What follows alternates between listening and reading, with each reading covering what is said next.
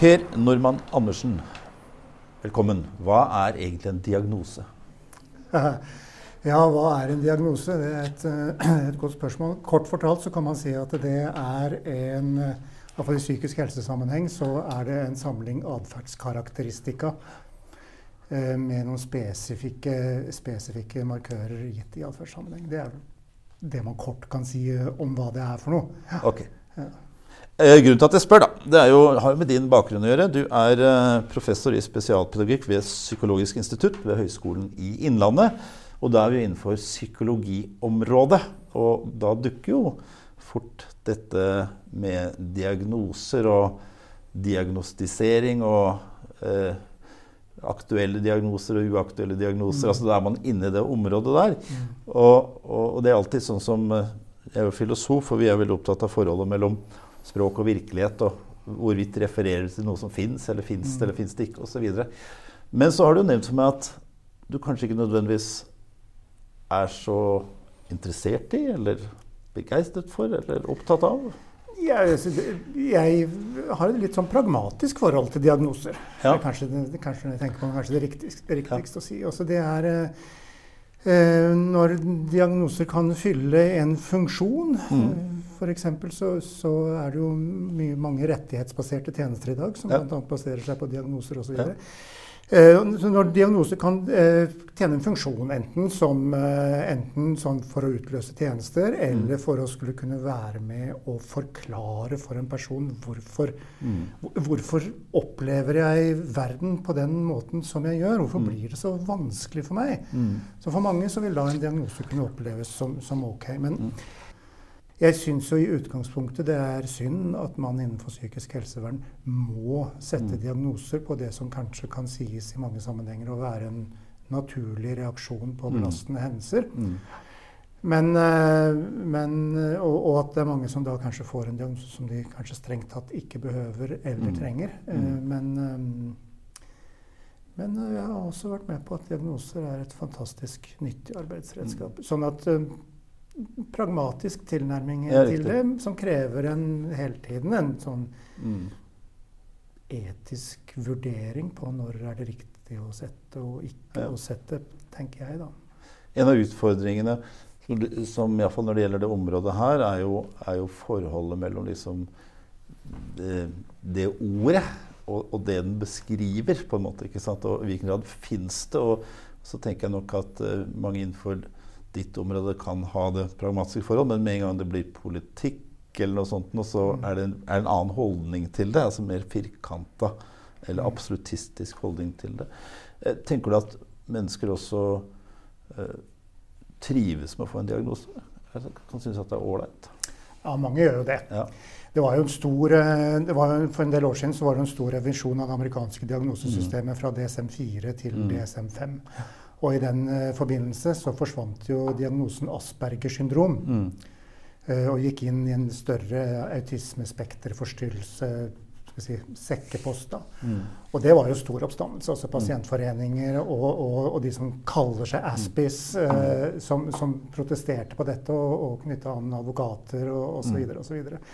Så det er klart at veldig mange identifiserer seg i veldig stor grad med mm. diagnose. Og vi ser det jo også i, i stor grad uh, altså, Jeg har lagt merke til bl.a. i det siste så har jeg sett hvordan mennesker med bipolare lidelser også forklarer seg som bipolare. Mm. Uh, på samme måte så er det en ganske opphetet debatt i en del internasjonale si, autismemiljøer, mm. hvor det er sterke pasientgrupperinger som er veldig tydelige på at de er autister. Mm. Mens uh, veldig mange av oss andre som har jobbet med dette, og, og som har prøvd å være bevisst på språket vårt, rundt det, prøvd å si at nei, det er noe du har. Noe du har, ja. ja. Og det er veldig spennende, dette er-har-forholdet, mm. ikke sant? Mm. Eh, og, og, noe å identifisere seg med. Det, jo, det, er jo jakten på identitet antageligvis som ligger der, og, og, det er også viktig for oss. For det interessante er jo hvis du, hvis du, hvis du håper å si er det ikke sant? Altså, er det noe som styrer deg? Er det personligheten din? Men det interessante også er hvis du har det, hvor har du den hen? Ja, ja men, men, for, å ta det første, for å ta det første mm. først, da. ikke sant? Altså, det, Også det, kan, det kan gi en tilhørighet, det kan gi en identitet. Men jeg tenker også at det kan, kan virke begrensende, det med diagnose. Så min første opplevelse var, det var med møte med, med mange år siden så Jeg har astma, så jeg var, var, kom borti Astma- og allergiforeningen og tenkte at ja, men det kan sikkert være noe for meg. Og så Jeg vet ikke åssen det er i dag, men så fant jeg det ganske fort ut at nei, kjære venner, dette vil ikke jeg være en del av. For det opplevde jeg som veldig begrensende på hva det ville si å ha astma. Okay. Og da følte jeg at da måtte jeg på en måte bare sitte i ro og være veldig allergisk og fokusert på alle de symptomene uh, som, som kunne frembringes til enhver tid. Og, og, det passet ikke og stemte ikke overens med mitt liv. Så jeg skygga banen fort der. Uh, og så, så spørsmålet om, om hvor har man det hen? Mm. I så fall. I så fall. Det, er jo, det er, jo, er, jo, er jo, interessant, det. Og det er um, mange, mange, snakker også om denne her såkalte magefølelsen. Og jeg har liksom tenkt hvor, jeg kjenner ikke noe den derre magefølelsen. Så jo, så litt utpå kvelden, julekvelden så har jeg en sterk magefølelse ofte. Men, men, men, det er riktig. Den ja. kan kanskje i mer større grad eh, sitte i huet, selvfølgelig. Ja, ja. ja, da. Ikke sant. Og, det er, og, og så um, og jeg tenker jo at det er jo der uh, det meste sitter. Og så er det omtrent kul mulig å si noe om akkurat hvor i hodet ting, uh, ting ja. sitter. Og, og, også hva som er mulig å, å mm. si, si, gjøre med det som sitter i hodet. Men mm. jeg tenker jo at det er jo, det er jo i hodet livene våre på en måte utspiller seg. Mm. Uh, på et vis. da. Spennende. Men det interessante er jo ikke sant, når man har den, for hvis du har kreft, på en måte, så ja. kan man faktisk omtrent ta bilde av kreften, eller kan ja, vise ja. Der sitter den. Ja. Og så kan man jo til og med tenke seg at uh, i noen timer så kan jeg faktisk gå inn med en skalpell og fjerne den. og ta den ut. Nå ligger den på bordet. Mm. Nå er den ikke der lenger. Nei. Tenker du at, Og det er ganske håndgripelig. Tenker du at mange tenker på psykisk fort kan begynne å tenke på psykiske lidelser litt på samme måten? At det er noe som sitter der på et eller annet sted, eller hvor det er, og så At det er noe i seg selv uavhengig av min måte å være på. Som styrer min måte å være på. Det er vel ikke noen som ser for seg at man skal komme dit tror jeg, nå, at man skal kunne skjære ut noe. Nei, det... så, så, konk så, konkret på ting. Men, men det å, å, jobbe med medisiner er jo kanskje en, en slags, et slags forsøk på mm. noe av, av, det samme. Mm. Med veldig variabelt resultat. ikke mm. sant? Mm. Det er, men det er også en, en, ting med dette her med diagnoser og diagnostisering. altså det er jo En diagnose er jo kanskje på, er jo påkrevet for, å, på en måte, mm. Mm. for dette med, med medisinering da, mm. i, i, neste runde. Ja, for, men jeg, nei, jeg, tenkte ikke at det er noen fagpersoner som tenker sånn, men, men for, for, folk flest da, i mm. møte med dette faget, at man folk mm. kan få sånne forestillinger. For man kjenner jo til det fra den somatiske medisinen. ikke sant? Mm. Så kan man fort begynne å tenke litt det samme at det er omtrent sånn. Ja. Eh, fordi det er litt lettere å forstå. Mm. på en måte. Og det store spørsmålet er da ikke sant, i hvilken grad styres man, eller bestemmes man, eller for å bruke et enda mer sånn eh, fjongt akademisk ord, determineres man av dette her, eller? En del somatiske problemstillinger, så, så, er det ikke valgene dine påvirker ikke tilstanden din. Men her er vi litt på et annet område, er? Og du er jo opptatt av funksjon. Ja, det syns jeg også er, er komplekst. Altså, jeg tenker at noen ganger altså, no, noen, noen tilstander innenfor, innenfor psykisk helsefeltet, så, så tenker jeg at, at man lider i en sånn grad at man kanskje ikke er i stand til å, å mm. ta styring over det eller regulere det. Mm.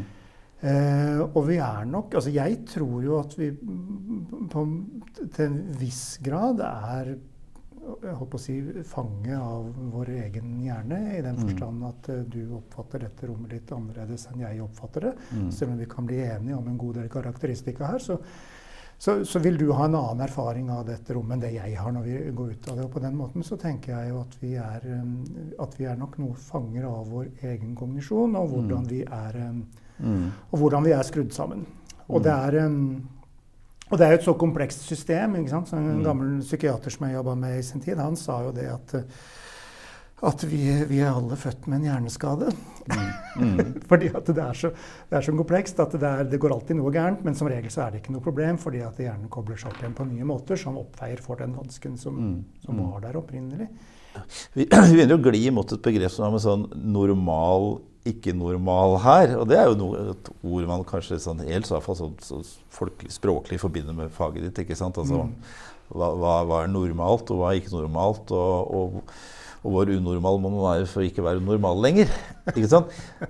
Og det, og, det, og, det, og det, ligger jo der som en sånn, eh, sånn og, noen har kanskje pekt på at, at, normalitetsrommet begynner å bli mindre og mindre og mindre. har jo noen pekt på, fordi vi får så mange beskrivelser av avvik.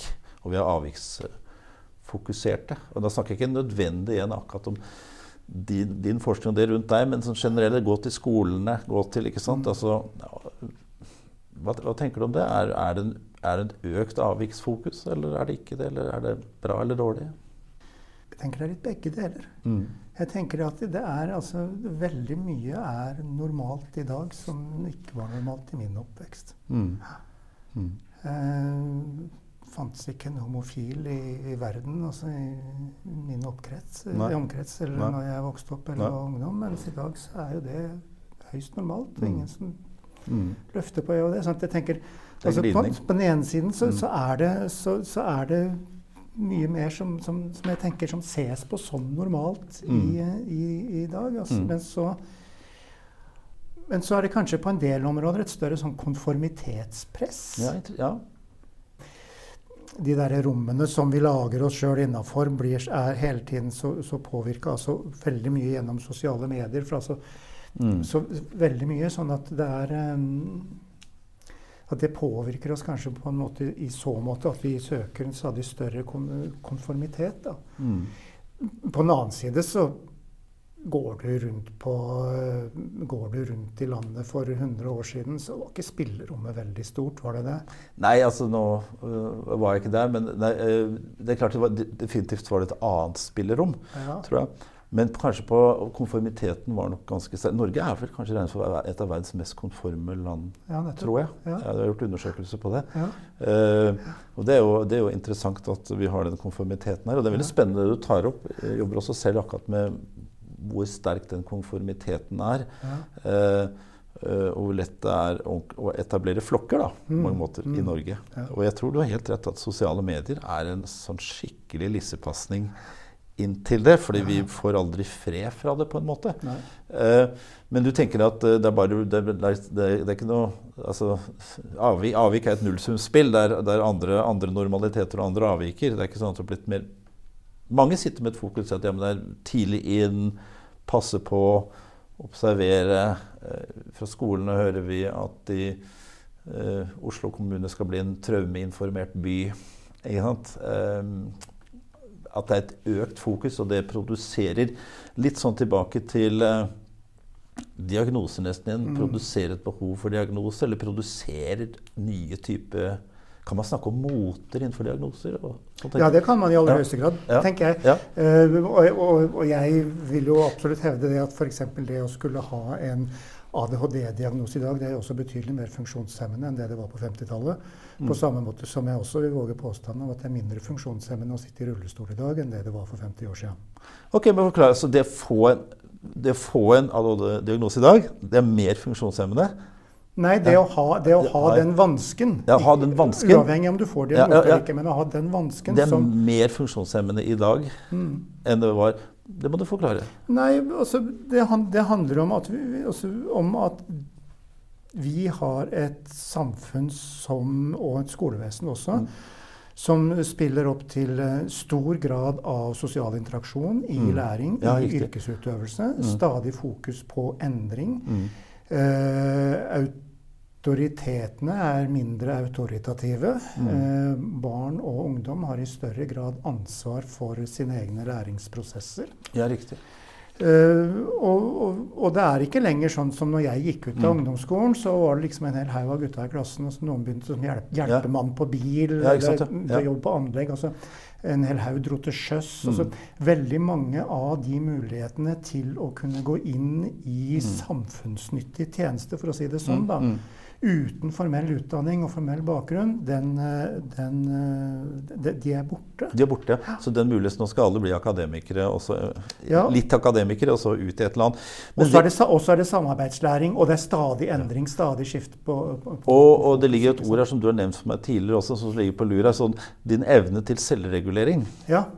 Altså det økende krav til evnen til selvregulering, er det riktig å si det på sånn? Ja, fordi at, det, fordi at du kan si at hvis du, sånn som eh, et av kjennetegnene ved f.eks. ADHD-diagnose, en del autismespekterdiagnose og mm. veldig mange andre psykiske lidelser i det hele mm. tatt, mm. det er jo det at mange sliter med det som vi kan kalle for eksektive funksjoner, mm. som er en, en, en selvreguleringsfunksjon som mm. ligger i frontallappen, og som regulerer tanker, atferd og følelser. Mm. Og dette er noe som er vanskelig hos personer med den med denne mm. type vansker. Og det er en egenskap som i liten grad belønnes i dag. I dag. Ja. Men går tilbake... Jeg den, den belønnes, den kreves i veldig stor grad og, ja, i dag. Og, og, og, hvis du ikke har den, så straffes den ganske hardt.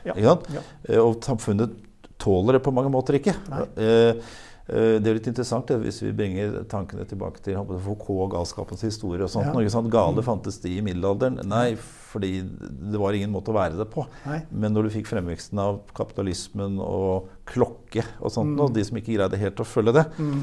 Eh, de ble jo eh, holdt på å si satt inn. Ja, ja, ja, og, og, de fikk stigma. Og at det litt det samme, så Samfunnet skaper det er et sett av egenskaper som var mindre straffbart da, kanskje på 50-tallet en del sånne f.eks. gutter da, mm.